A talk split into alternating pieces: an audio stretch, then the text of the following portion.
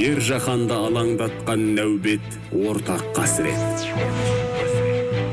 Сала мамандарының кәсіби кеңесі ғалымдардың зерттеуі еліміз бен шетелдегі тәжірибе. Радио медицина хабарында.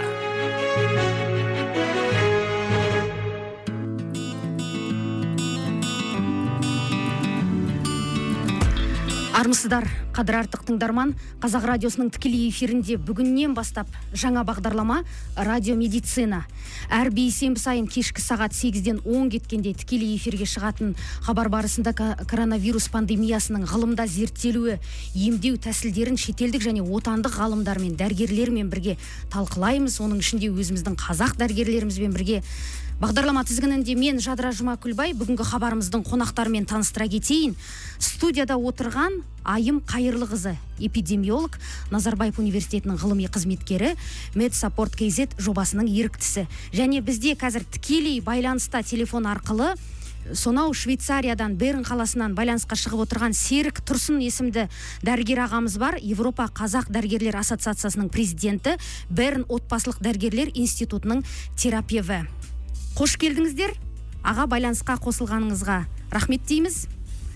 Рахмет жадыра мхм. Аға әңгімемізді алдымен енді байланысқа байланысты айым егер рұқсат берсе ағадан бастағанымыз дұрыс ау иә? Әрине. Үзіліп кете ма деп қорқып отырмыз. Аға қалыңыз қалай? Сіздер жақтағы мынау пандемияның ахуалы қандай? Енді бізде бұл пандемия көтеріліп кеткен кез бұл енді сәуір айында болды алты жұмаға дейін таралды негізінде күніне бір мың кісідей ауырып жатты мхм одан кейін бірден төмен қарай түсті де он он адам бір күні осы күні енді жүз адамнан аздау күніне кісілер ауырып жатыр мхм қазір өлім жоқ екен бағана қарасам өлім жоқ мхм осы мәселе алты, алты аптаға дейін созылды дедіңіз иә мәселе мына не швейцарияның өзі қарағанды облысындай ғана ғой. Мхм. Оның ішінде 8 миллион адам халық тұрады. Мхм. Енді оның бәрі аралары жақын жақын енді бәрі бір күнде ауырады.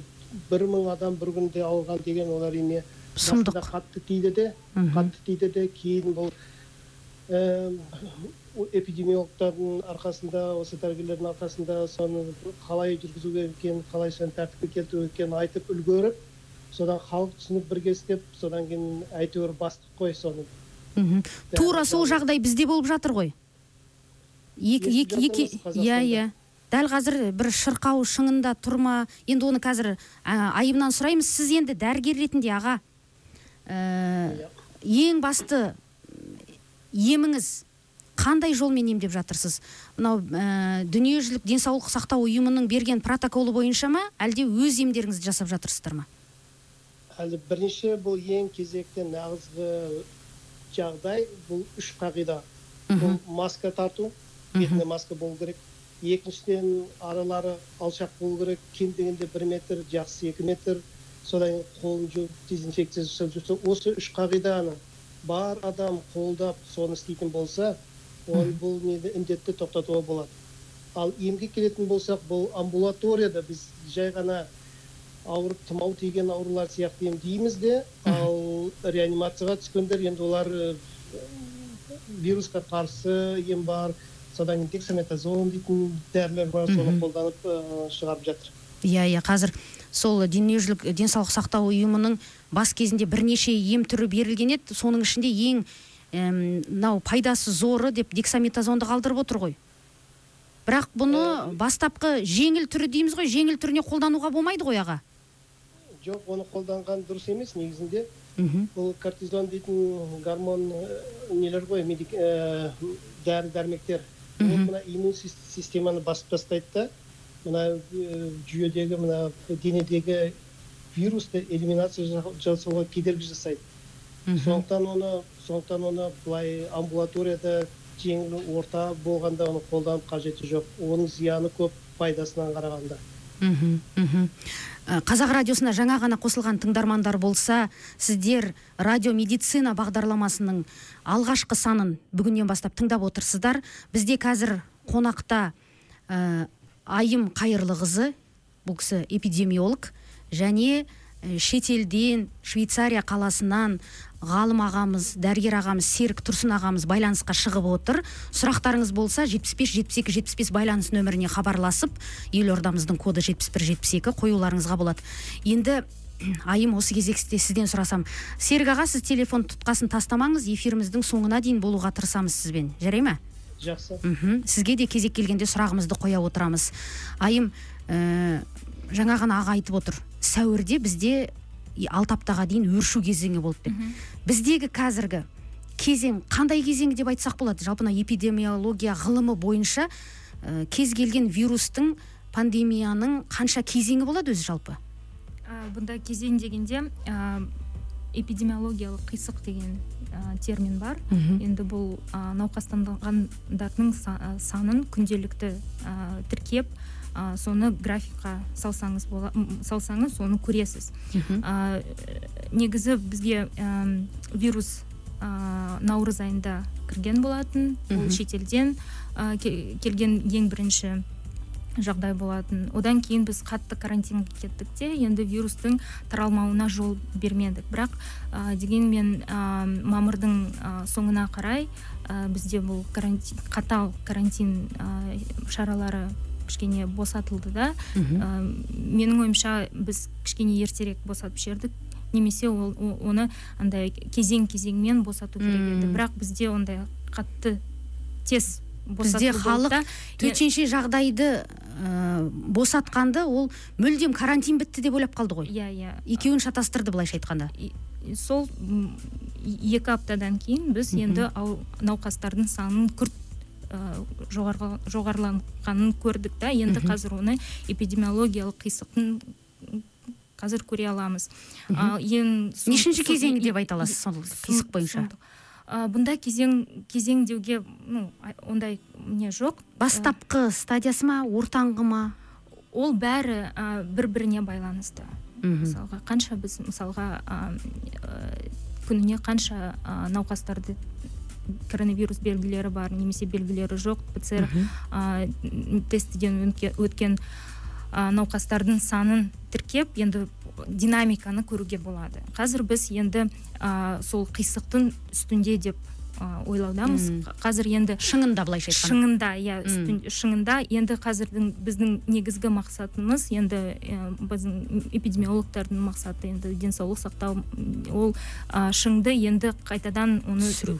түсіру және өршітпеу. Немесе плато ауыздықтау былайша иә айтқанда. плато платоға. Енді осы карантиндік осы ә, шілде айындағы карантиннің шара, шаралардың енді нәтижесін біз енді екі үш аптаның ішінде көретін боламыз бірақ қазірдің өзінде ә, сіз ә, мысалға екі апта бұрын қанша адамдардың мысалға фейсбук Иә, иә. желіде көргенсіз қайтыс болған қайтыс болған науқастанған адамдардың саны енді қазір денсаулық сақтау министрлігі мысалға ә, жедел жәрдемге 31 процентке дейін төменде ә, дегені туралы статистика иә статистикасы бар.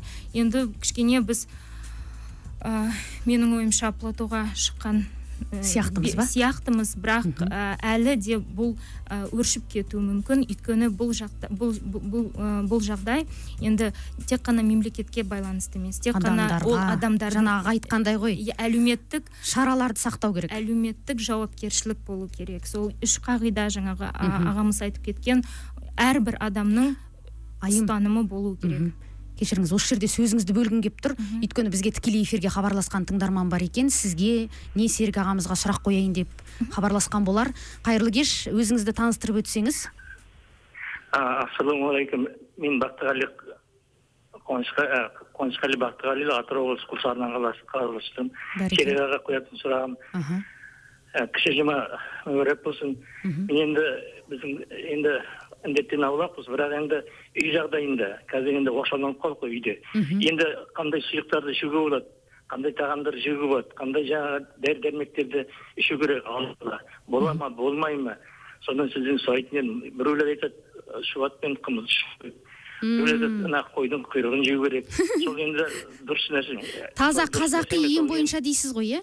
Иә иә қазақи ем бойынша. Серік аға тыңдап тұрсыз ба? тыңдап тұрмын. Рахмет сізге сұрағыңызға. сол дұрыс па? Ал сол болды рахмет. Мхм. серік аға? Ә, бұл енді үйде не жеу керек деген ол енді бір бүкіл елде сол сұрақтар құрылып жатыр ғой.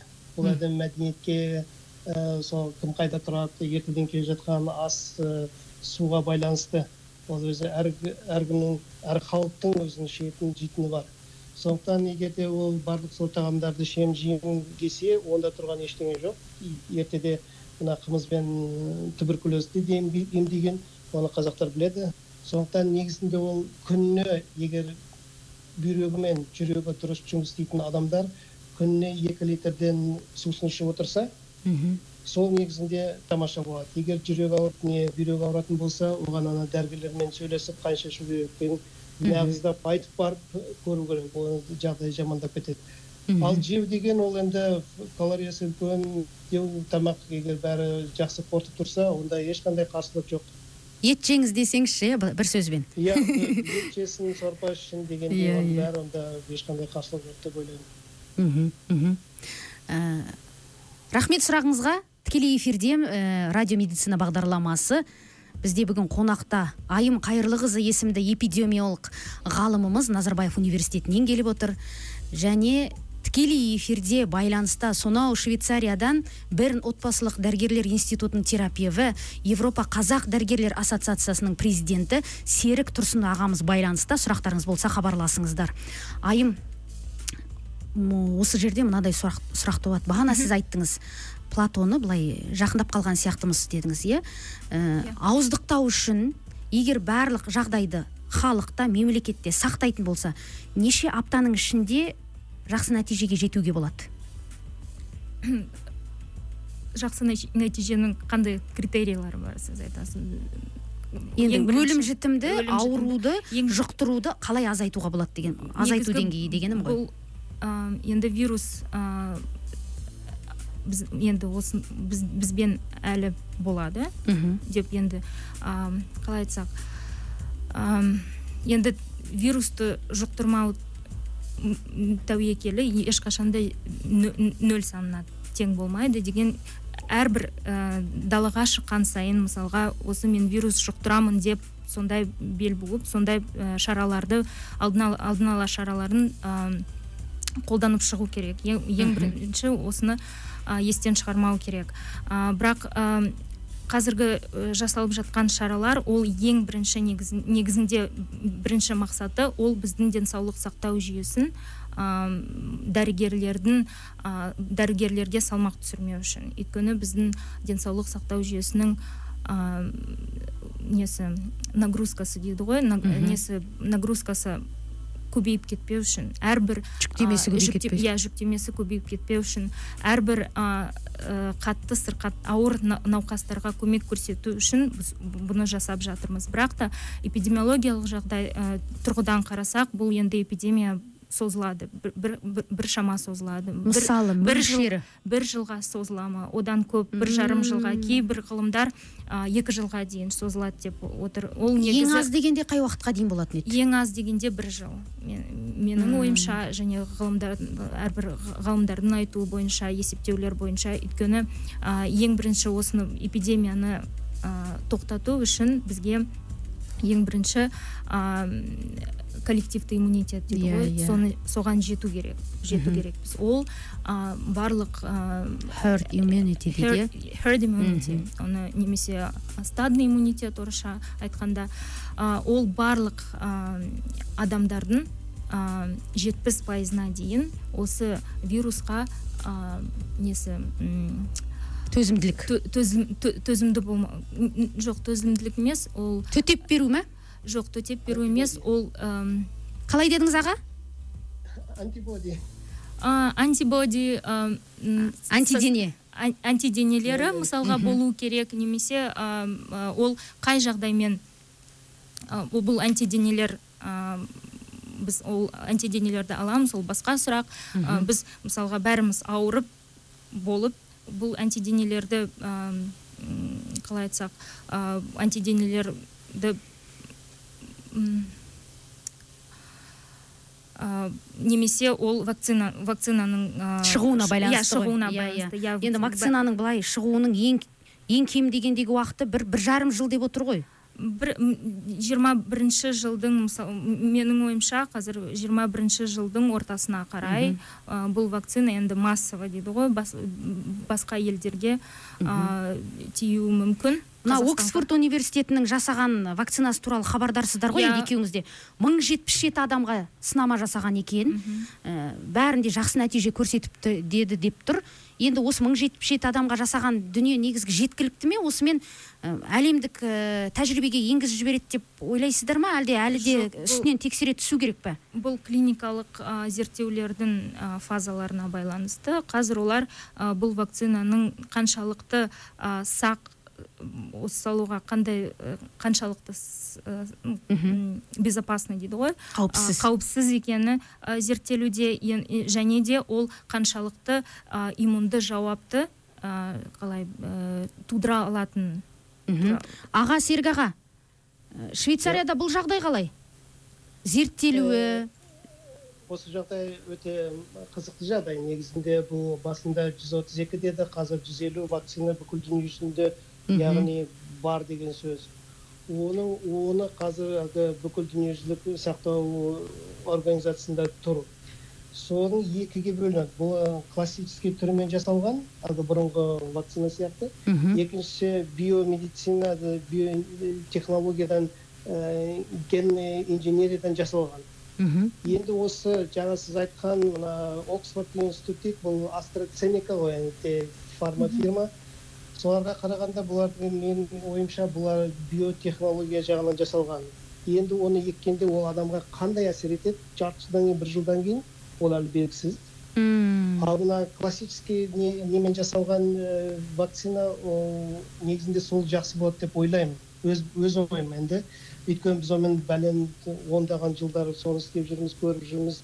Оның да өзінің ә, келтіретін ә, нелері бар енді қиындықтары бар бірақ одан адамдар өліп жатқан жоқ ал мынаны әлі ешкім білмейді бұл өте қызықты бізде ғалымдар бар иә мысалға алматы қаласында өткенде ғана осы төтенше жағдай кезінде тікелей эфирге шықтық біздің вакцинолог ғалымымыз бар ше- шетелдік дәрежедегі әлемдік дәрежедегі қайсар табын деген сол кісі кезінде құс тұмауының шошқа тұмауының вакцинасын жасаған кісі біз қазір әл- ә, әлемдік ғалымдармен бірігіп жұмыс жасап жатырмыз деген. Иә білуімше австралия сіздер сол ғалымдармен бірге ә, эп- эпидемиологтар вакцинологтармен бірге жұмыс істейсіздер ме? Бір бірлеріңіздің нәтижелеріңізді жоқ әзірге жұмыс істемейміз. Бірақ ә, менің естуімше ә, қайсар ағамыздың ә, несі ә, мақсаты ол клиникалық зерттеулерді қазақстанға әкеліп өткізу. Иә иә. А, сол осы кезеңде эпидемиологтар а, не кірісуі мүмкін. Бұл зерттеуге өйткені бір эпидемиологтардың тағы бір мамандығы ол клиникалық а, зерттеулердің Мгм. этаптарын өткізу келесі бейсенбіде осы вакцина мәселесін қайсармен тағы да басқа шетелдегі ғалымдармен бірге қозғаймыз деп отырмыз енді. Алла қаласа. Серік аға? Иә. Мхм. Ә, бағана ғана сіз де айттыңыз міне айым сіңіліміз де айтып отыр. Жалпы мына әлеуметтік жауапкершілік. Тек қана мемлекеттің емес адамдардың жауапкершілігі. Бірігіп бірге жұмыс істеу ауызбіршілік бір бірімізді адамзатты ойлау деген мәселені осы жақында ғана дүниежүзілік денсаулық сақтау ұйымының бас директоры тедрос мырза да осыған байланысты ендігі жалпы әлемдік пандемияға дайындық пен жауапты шаралардың жөніндегі тәуелсіз комиссияны құру жөнінде хабарлама жасады бүкіл әлем болып бірігіп жұмыс істеу деген мәселені қозғап отыр. Ә, европадағы осы жағдай қалай? Адамның жауапкершілігі. Бізден қарағанда бәрібір жоғары ау дей ме енді ол біріншіден мүмкін мәдениетке де жататын шығар. Ол жағын айту қиын. Бірақ бұл жерде адамдарға айтқанда олар бірден түсінеді. Неге екенін білмеймін. Өзім дәрігер болып істеп жүргеніме жиырма жыл болды ғой осы шетелде әсіресе немістермен істеп жүрмін енді неміске мынаны осылай істе десең ол солай істейді ол қарамайды анда мында қатып қалған деңізші иә ол сондай сондай неге заңды адамдар сондықтан осында бірінші келіп айтқанда мына маска тағыңдар аралары маска тағып бір алдық жарым метр болсын иә бір жарым метр болсын сосын қолдан жуып дезинфекция жасаған дегенде солар бірден бәрі бастап кетті. Олар ешкім айтқан жоқ мен неге тағамын мен неге тақпаймын менің өкпем ауырып қалады ауырмайды деп. Айтты болды істейді. Әлемдік баспалар оның ішінде мынау британиялық ең басты баспамыз BBC бар ғой. Сол жерде бір материал болып еді осы маскаға байланысты. Ауырған адам ғана тақса болады ауырмаған адам не үшін тағады дегендей. Оларда ондай түсінік жоқ қой иә? Тақпай ә, жүре беру деген. Жоқ басында ондай ондай қағидалар болды. Оны бәрі білген жоқ бұл неге әкелетінін неге әкеліп соғатынын олар ойлады адам басы ойлады мен ә, ауырған адам маска тағатын болса жөтелгенде түш көргенде оның анау ұшпайды ол тоқтап қалады деп. Мхм. Ал егер ауырмаған адам тағатын болса ол қолымен ұстайды үйтеді бүйтеді ол бәрі де ә, ауырып қалады деп жоқ. Кейінгі ә, ғылыми жұмыстар жүргізілді осы күні дәлелденді ол олай емес. Екеуі де таққан дұрыс. мхм ауырған да ауырмаған да мхм. Айым ә, Иә. пікір қосасыз ба? иә қосам. Аға дұрыс айтып кетті.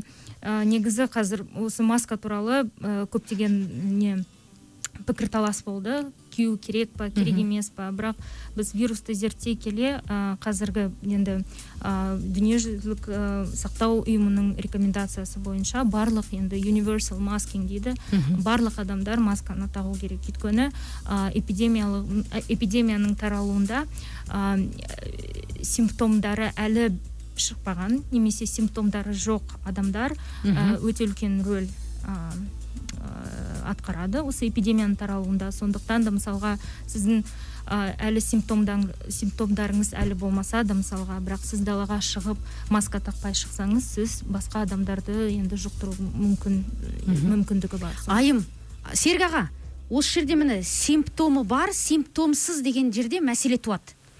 Ә, өткенде ғана ресейлік орыс ғалымдардың әсіресе мынау аға буын дейміз ғой алпыс жетпістегі ә, дәрігерлер солар былай деп айтып жатыр. Симптомсыз деген ешқандай ауру болмайды.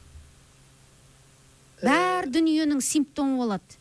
Сенің бір жеріңде бір кішкене кінәрат барын былайша айтқанда денсаулығың жүз пайыз дәл сол сәтте аттай болып тұрмағаныңды бәрібір де сезесің деп.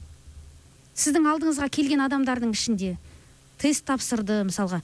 Ешқандай ешқандай ешқай жері ауырмай бірақ ә, қорытындысы коронавирус бар деген шыққанда адамдар болды ма? Осы симптом бар жоқ деген әңгімені айтып беріңізші ара жігін. Сенбей жүр өйткені ол, ол мәселеге де. Ә, симптом бар жоқ деп енді оларды ә, адамдар бөліп жатыр ғой. Негізінде симптом болсын болмасын ол ауру адам. Э, бәрібір де бір нәрсесі болады ғой аға иә? Әрине оның бәрі болады. Симптомы бар дейтіндер оның жөтелген температурасы болып ауырып бүйтіп бүйтіп көрген адамдарды айтады да ал симптомы жоқ дегенді өйткені біз оны білмейміз біреудің біреудің басы ауырады біреуінің іші ауырып бір күн мүмкін іші өтіп кетеді. Иә Ә, іш өту деген симптом бар екен айтпақшы дұрыс айтасыз. Сонымен сонымен кетіп қалды да ол білмейді. Мхм. Ал оның бәрін білу үшін кім қашан ауырды жүз пайыз осы қазақстанда 18 миллион адамға бәріне пцр ә, тест жасап содан қорытынды жасап содан барып, барып айтуға болады. Кім ауырды кім ауырмады деп. Мхм. Ал симптом бар симптом жоқ деген ол қажет емес олай бөліп дұрыс айтасыз иә.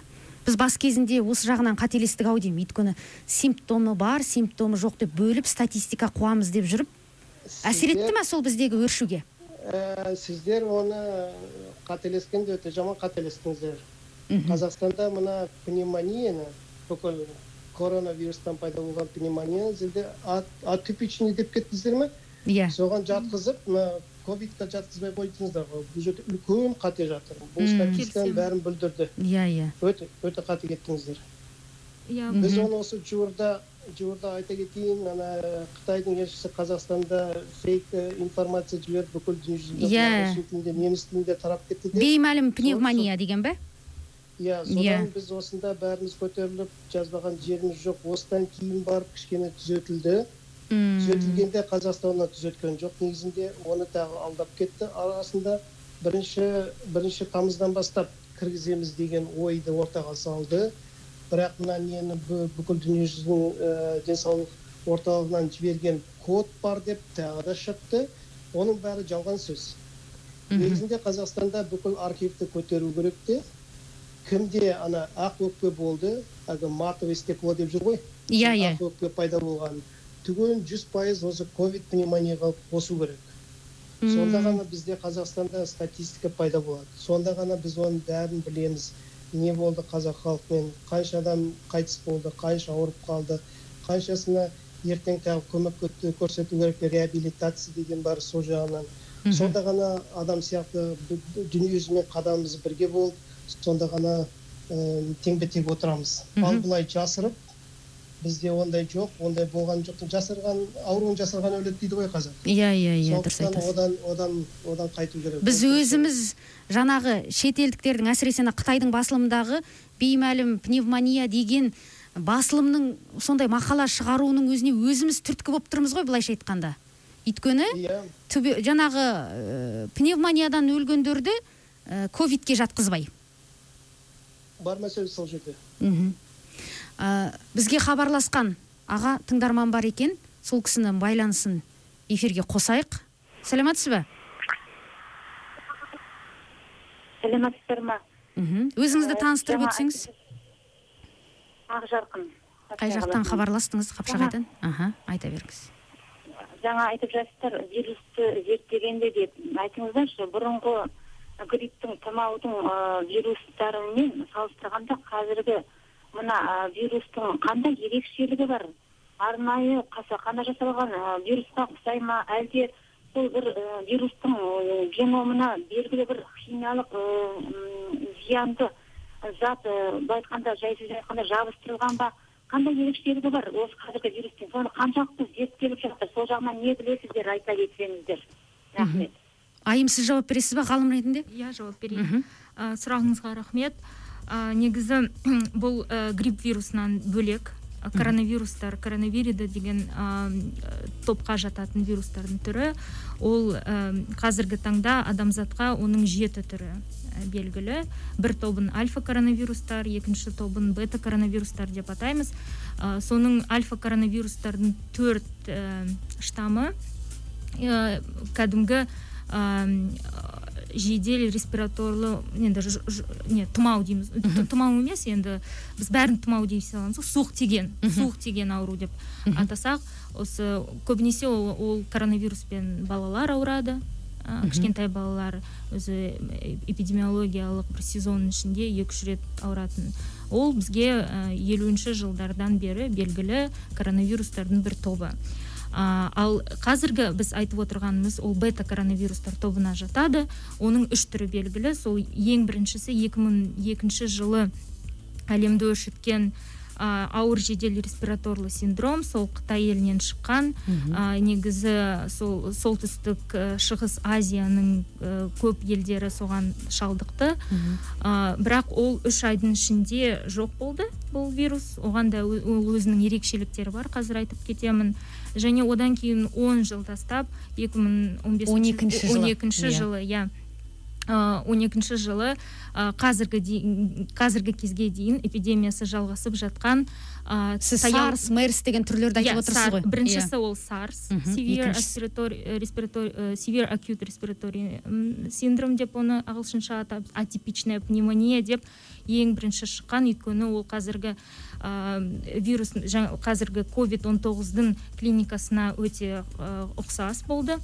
Ә, екіншісі ол таяу шығыс респираторлық синдромы ол нелерден шыққан ә, түйеден шықты түйеден түйе оның ә, қалай айтсақ ә, промежуточный хозяин дейді ғой.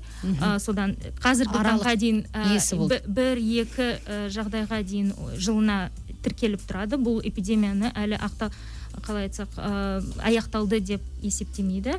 Және осы үшінші түрі коронавирустың ә, осы covid 19 деген оған ә, covid 19 ол бүкіл аурулардың ә, топтастырған жинақ ретінде топтастырған атауы. Ал вирустың өзі сарс ков 2 деп аталады. Оның ә, несі генетикалық геномы 80 пайызға дейін ә, сарс ков 1 ә, сол 2002 жылғы вирустың геномына ұқсайды. Қарапайым тілмен жаңағы кісіге айтсаңыз ойдан шығарылған ба деді бұл кісі? Жоқ ойдан шығарылмаған.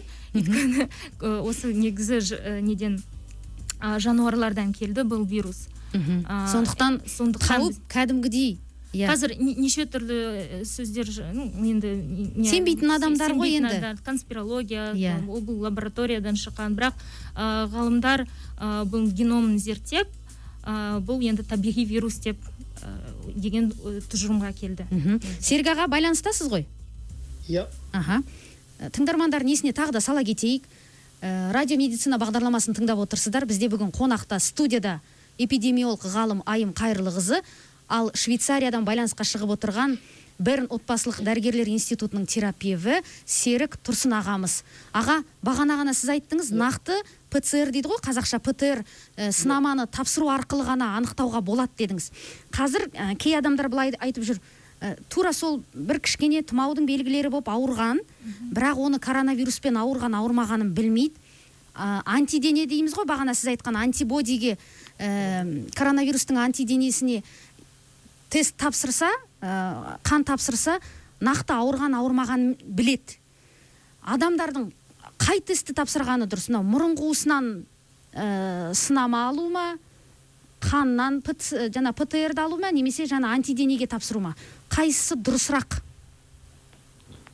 Ә, негізінде бұл барлық анализдер жасап жатқан жүз пайыз бұны анықтай алмайды. Осы күнге дейін өйткені вирус жаңа шыққан вирус. Бірнеше анализ келді тесттер бар бірақ оның нәтижесі сол жетпіс пайызға дейін ғана жақсы болып тұр да қалғаны ауырса да болмаса да негатив Мгм. халықты кішкене шатастырып жүр сондықтан оған қою дұрыс емес аға дауысыңыз дұрыс естілмей кетті осы күні жазды күні бізде мынандай грипп дегендер жоқ қой ол сезон кейін пайда болатын аурулар сондықтан қазіргі аурулар бәрін осы ковид деп бірінші қою керек деп ойлаймын өз басым қазақстанда осы күні. Мхм. ал жүз пайыз жүз пайыз ә, диагноз қою үшін бұл кт ә, компьютерлік томография Иә, иә. дейді ғой? Иә иә иә. Кт иә бұл иә. негізінде бұл бұны негізінде қытайлықтар сипаттап шығарған бәрін түгелін сол кезде пайда болып қытайлар сипаттап шығып бұны бүкіл дүниежүзіне қабыл алды.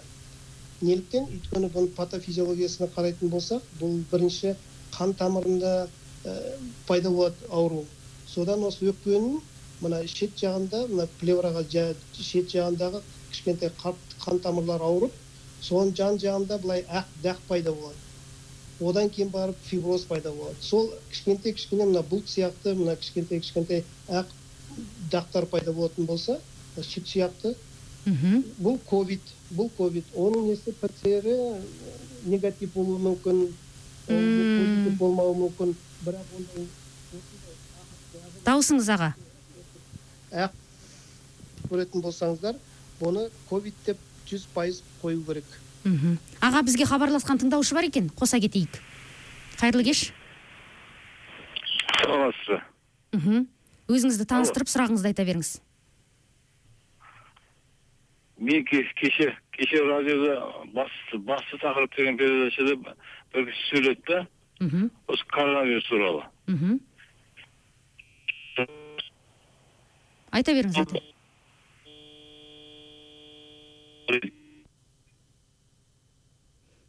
байланыс үзіліп кетті өкінішке қарай. Қайтадан хабарлассаңыз болады. жетпіс бес жетпіс екі жетпіс бес біздің байланыс нөміріміз. Қазақ радиосында радио медицина хабары. Серік аға байланыстасыз ғой? Байланыстар. Аха. Одан кейін ә, осы өткен аптада ау деймін ә, ғылыми зерттеу шықты. Ә, бір рет коронавируспен ауырған адамның антиденесі үш айға дейін максимум сақталады. Одан кейін қайтадан ауыруы мүмкін деген. Бұл туралы не дейсіздер? Ә, бұл зерттеуден м, нем бар? Мхм. Ә, ә, негізі бұл вирус жаңа болған. Бұл вирус жаңа болғандықтан енді бүкіл деректер мәліметтер әлі ә, шектеулі. Қазіргі таңда енді не үш айға дейін деп ә, ә, айтып отыр ғалымдар анти, ә, антиденелердің ә, концентрациясы енді титрі. А, бұл қандай енді бұл қаншалықты жеткілікті ма жеткіліксіз бе әлі белгісіз. Е- екінші рет аур- ауруды алдын алу үшін. Бұл, бұл енді қазір ә, зерттелуде. Ол ол үшін ол туралы енді нақты ғылыми зерттеу болмайынша ешкім ештеңке деп кесіп пішіп айта қазір зерттеулер жүргізіп жатыр сол германияда кореяда. А, иә. бірақ дегенмен әлі бір бір ауызға бір ауыздан бір тұжырым жоқ. Байланыста телефон бар? Қоңырау бар саламатсыз ба? Саламатсыз ба? Аха. Мен ә, тараз қаласынан звондап тұр едім. Бір екі күн мен әлсіредім да ой содан кейін менде отыз жеті сегіз не болды температура болды. Сосын артынан менде уже жөтел бола бастады уже түнде жатарда уже менде жөтел болады құрғақ жөтел. Ол тұмау ма или? Бірақ мұрнымнан қатты екі күн су сорғалады мхм. Тұмау ма или ол Серік аға? серік аға? Сізге қойдым жерде сұрақ. бұл жерде түгелін айту әрине қиындау негізінде мына мына коронавирустың мұрнынан ағады деген ондай ақпарат жоқ иә негізінде. Мхм. Ә, мысалға грипп бұл бірінші оның симптомы бұл температура болатын болса жай тұмау тигенде бірінші симптоматика жөтел мұрнынан ағады. Ә, мұрнынан тамшылап тұрады. Ал мына коронавируста ол ә, иісті білу құрып кетеді ғой. Соны иісін танымайды сөйтіп сондай өзгеріс бірақ барлық адамда болмайды екен ол аға.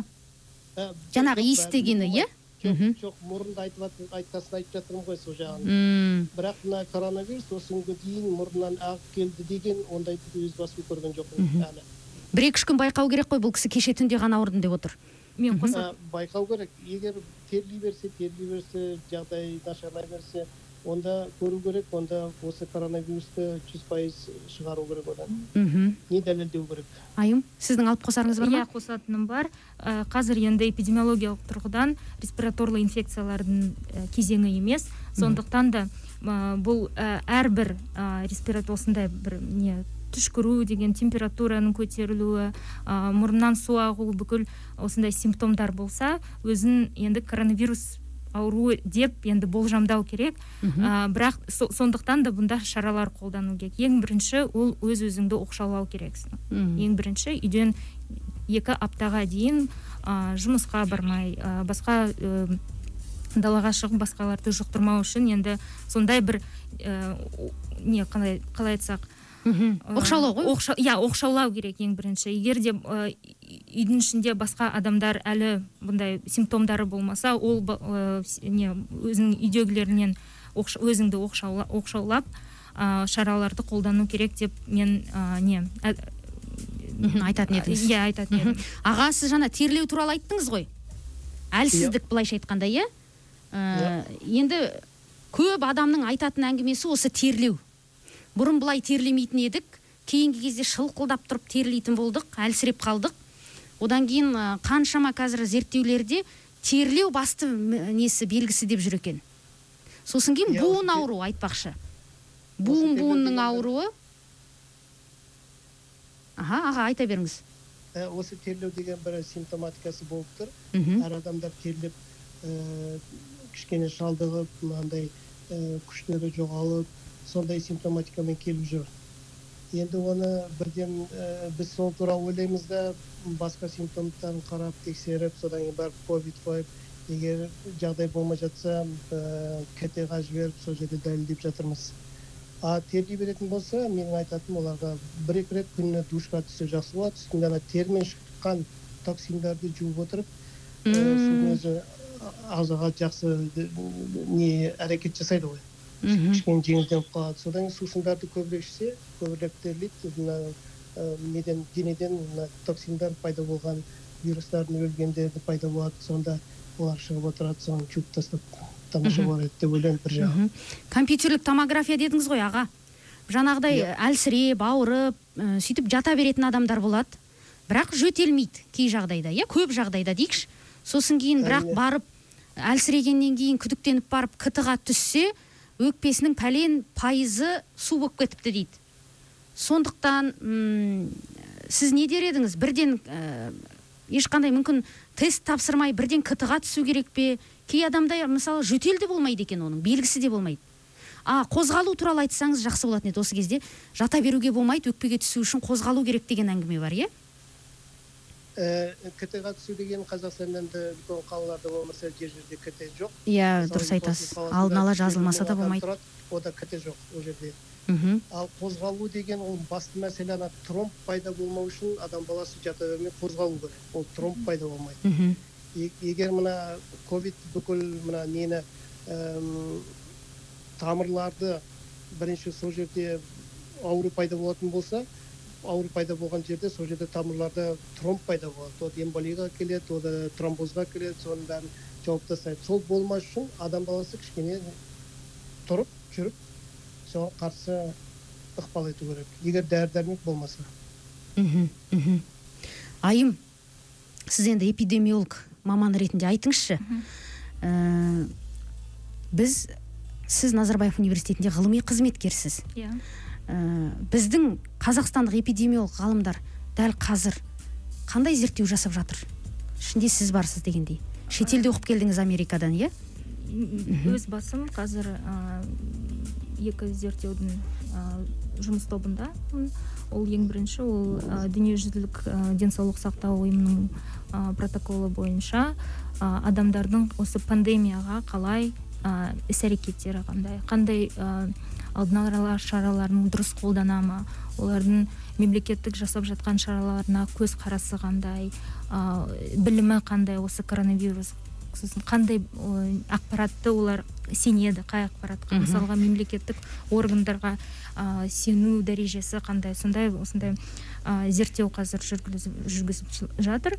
Ол е, бірнеше толқын болып жүргізіледі. Бірінші толқыны жаңағы осы ә, маусым айында өтті.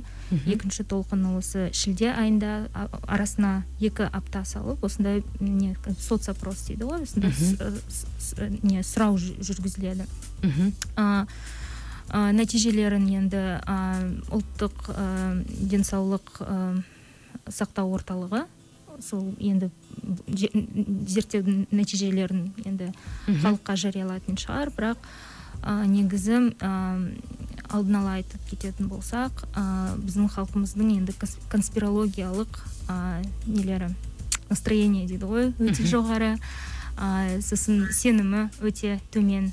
Әсіресе мемлекеттік а, органдарға денсаулық сақтау ұйымының дәрігерлерге деген сенімі өте аздау. Бұл а, бұған енді а, қалай айтсақ шаралар жүргізу керек оның алдын алу а, керекпіз. Е, сол үшін біз- Ақпараттандыру ақ- ақ- барынша. ақпарат, аз. Әсіресе ә, дәлелді медицина бойынша. Иә, әсіресе а, сондай айқын ә, сосын ә, қарапайым қазақ тілінде ақпарат өте аз. Сондықтан да біз ә, жүз шақты еріктілермен бірге медсуппорт kz деген ә, не телеграмда канал аштыңыздар телеграм иә осыны айта кету керек осы жерде дұрыс айтасыз?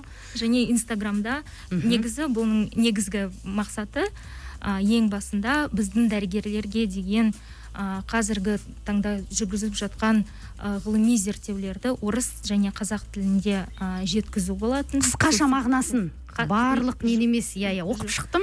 Өте жақсы каналдарыңыз. және ол ең дәлелді ақпаратты жеткізу болып табылатын. Бірақ а, осы проект басталғаннан кейін Мгм. көргеніміз ол б- қарапайым халықтың а, білімі аздау.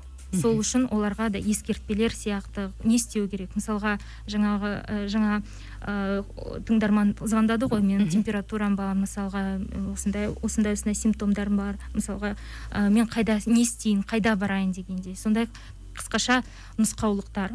Не істеу керек екенін мысалға бірінші ол сіз бірінші үйде оқшаулау оқшау, оқшауланып а, а, көп ә, ешқайда шықпай жатуыңыз керексіз. иә бірінші. Бірақ ең ең бастысы мысалға өзінің жағдайын қатты мониторинг жасау керек. Оны әдейі а, дневник а, наблюдение деп атайды. Соны соны бірінші күн қалай болды жағдайым екінші күн қалай болады температура иә оның мысалға ә, демнің характеристикасы одышка болмау керек. Соның бәрін өйткені ол динамикада қарағанда мысалға дәрігерге өте жеңіл болатына қарағанда. А, сосын мысалға біз ә, маусым айында көрдік ба- бүкіл адамдар пцр тестілеуге кт ға бәрі бүкіл адам сол неге кезекте тұрды. кезекте тұрды және тапсырмай ақ қойыңыздар деді одан кейін. Иә тапсырмай ақ қойыңыз. Бүгін ә, серік аға қосып кетер. Ә, өйткені ә, бұл жағдайда мысалға пневмония кезінде ә, клиника адамның өзінің қалай сезінетіні оның клиникасы басты рөл атқарады. Мысалға диагноз қойғанда. Мысалға адамда ә, пневмонияның мысалға ә, там отыз елу мысалы жиырма бес процент там, поражение болуы мүмкін бірақ та ол клиникасы сіз айтып кеткендей Белгі- өзінің иә. белгілері ә, өзінің қалай өзінің қалай жөтел жоқ былайша айтқанда. жөтел жоқ одышка жоқ. иә, сондықтан да оған мысалға ә, дәрігердің мысалға ауруханада дәрігердің көмегі жоқ. Сондықтан да мысалға учаскелік дәрігермен қарым қатынаста болып өз өзін амбулаторлық ә, не емдеуге болатын жағдайлар. Сол туралы осындай ескертпелер жасалды. М, ассоциация семейных врачей казахстана деген ұйымның а, дәрігерлерімен бірігіп осындай нұсқаулықтар жасады және де басқа ә, зерттеулердің тұжырымдамасын мысалға жаңа сұрақ қойды ғой вирустың ол қандай лабораториядан шыққан ба ол жа- жабайы вирус па А, соған сұрақтар ең ең басты сұрақтарға Иә. жауап бердік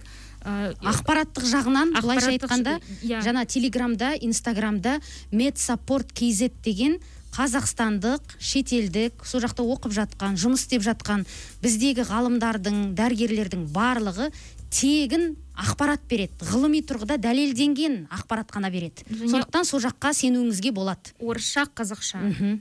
Бізге байланысқан байланысқа шыққан тыңдарман үзіліп кеткен екен. Серік аға сіз байланыстасыз ба? Байланыстамын. Аха. Ә, айым серік аға жаңа ә, жалпы қазір бізде ә, бізде демейін шетелде көбінесе қолданып жатыр ау деймін осы мәселе. Жазылып шыққан адамның қанының плазмасымен емдеуге болады деген. Европада бұл мәселе қалай аға? Ә, бұл емдеу тәсілі ертеден келе жатқан тәсіл ғой негізінде. Бұны осы коронавирусқа байланысты бірінші қытайда қолданды. Мхм. Ә, негізі негізі өте жақсы нәтижені көрсетіп жатыр. Бұл егер дәрі дәрмек болмағанда осы ә, плазманы алып ол плазманың ішінде антибоди болу керек. Бірінші ол кісі ауыру керек. Ауырған кісіге ол антибоди болып соның плазмасын алып ауырған кісіге беру керек. Солай ғой. Мхм енді мәселе мәселе бұл жерде аяғы ауыр болған аборт жасаған қыз келіншектердің плазмасы оған жарамайды. Оны да біледі енді Мм. бүкіл дүниежүзіне. Қалған енді мхм ер адамдардың плазмасы ғой. Енді соны ғана алады өйткені егер балалар балалардан онша алынбайды егер жиырма жасқа дейінгіден алады алатын болатын болсақ мхм олар жиырма жасқа дейінгі балалар ауырмайды. Мхм егер үлкенмен сол балаларды салыстыратын болсақ бұл америкадан шыққан бір ғылыми тұжырым. Бір бір балаға он мың үлкен адам ауырып салыстырғанда солай келді. Бірге он мың деген. Былайша айтқанда ауруды бала таратуы да мүмкін ғой иә э, жоқ оны таратпайды оның ішінде не бар ғой антидене дейтін әлгі иммуноглобулин Иә, иә, иә. Дейміз ғой Иә. сол ана ауырған адам ішіндегі вирусқа қарсы күреседі мхм. одан кейін мынау ә, европа елдерінде әсіресе англияда ә, маска тағу мәселесіне қайттан қоз- оралайық деп отырмыз мынау тұмылдырық дейді ғой қазақша 11 жасқа дейінгі бала тақпай ақ қойса да болады деген дамыған елдердің көбінде осындай мәселе бар. Неге 12 11 жа- жасқа- неге 11-12 жастағы балаларға одан оған дейінгі балаларда сонда ауру мөлшері төменірек болып тұр ма? Иә балалар ауырмайды. Мен жаңа ғана айтып кеттім ғой мына жиырма жасқа дейінгі балалар бар ғой жиырма жасқа дейінгі. Мхм. Олардың ішінен бір бір бала ауыратын болса мхм. үлкендердің арасынан он мың адам ауырады. Мхм. Бұл да иммунитетке байланысты мәселе ғой иә? Жоқ ол иммунитетке байланысты емес ол аце екі деген рецептор. Ангетензин конвертинг энзим екі рецептор деген бар. Сол мына мына неде мына демалыс демалғанда кіреді ғой енді вирустар. Мхм. Сол мұрын мына не жағында мына не э, көмекей жағындағы жерде осы аце екі рецептор деген жоқ деуге болады. Үлкен адамдарға қарағанда ол жоқ деуге болады. Сондықтан олардың кіретін есігі жоқ ол вирусқа. Түсінікті түсінікті. Жақсы айтып өттіңіз. Балаларға онша қауіп жоқтығы жөнінде.